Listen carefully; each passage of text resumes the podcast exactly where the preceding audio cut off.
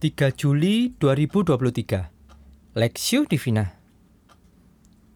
Mika pasal 1 ayat 8 sampai 16 Karena inilah aku hendak berkeluh kesah dan meratap. Hendak berjalan dengan tidak berkasut dan telanjang.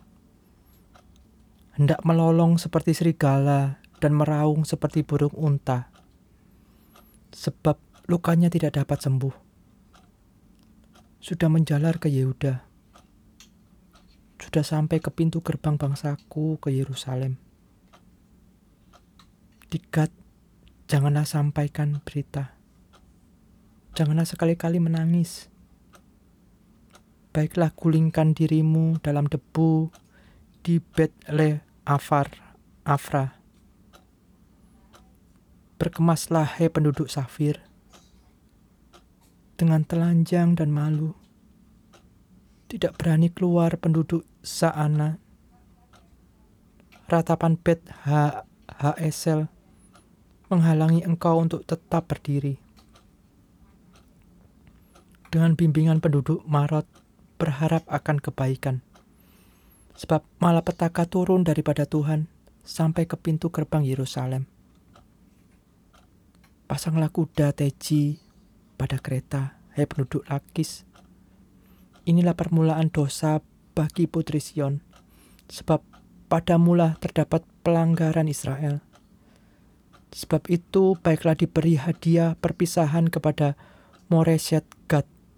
Rumah-rumah Akisip akan menjadi tipu daya bagi raja-raja Israel.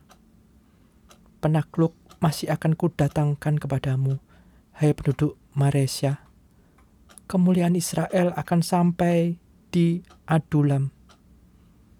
Cukurlah dan gundulkanlah kepalamu karena anak-anak kesayanganmu.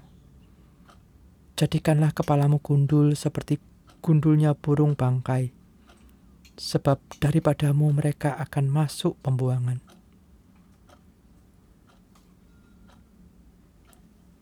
Meratapi Yehuda perspektif.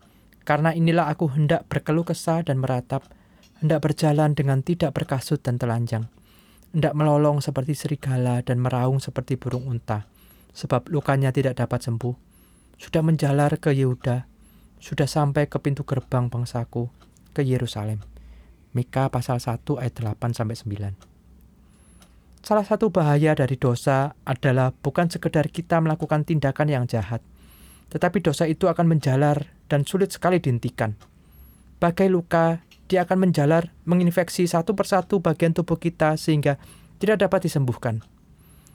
Itulah alasan supaya jangan sekali-sekali kita meremehkan dosa, dalam bentuk apa pun. Selagi kita masih menyadarinya, maka hendaknya kita segera mengambil tindak, segera mengambil langkah serius untuk mengatasinya. Namun, seperti yang dinyatakan firman Tuhan, dosa menjalar begitu cepat sampai-sampai kita sudah tidak bisa lagi mengatasinya. Demikian yang dikeluhkan dan diratapi oleh Mika atas Yehuda.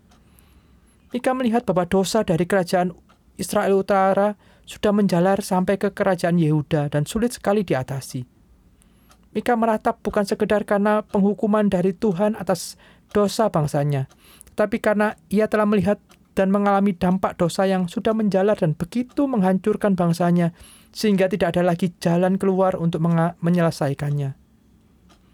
Penghukuman dari Allah akan jatuh atas Yehuda dan Yerusalem, dimulai dari kota demi kota yang akan direbut musuh, bahkan sampai tiba waktunya datang bangsa penakluk yang akan membawa umat Tuhan ke dalam pembuangan.